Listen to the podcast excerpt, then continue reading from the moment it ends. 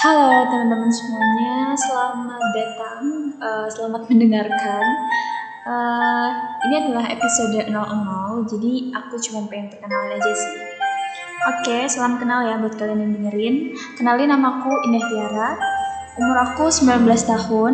Uh, sekarang aku lagi kuliah sih di salah satu perguruan tinggi yang ada di Jogja.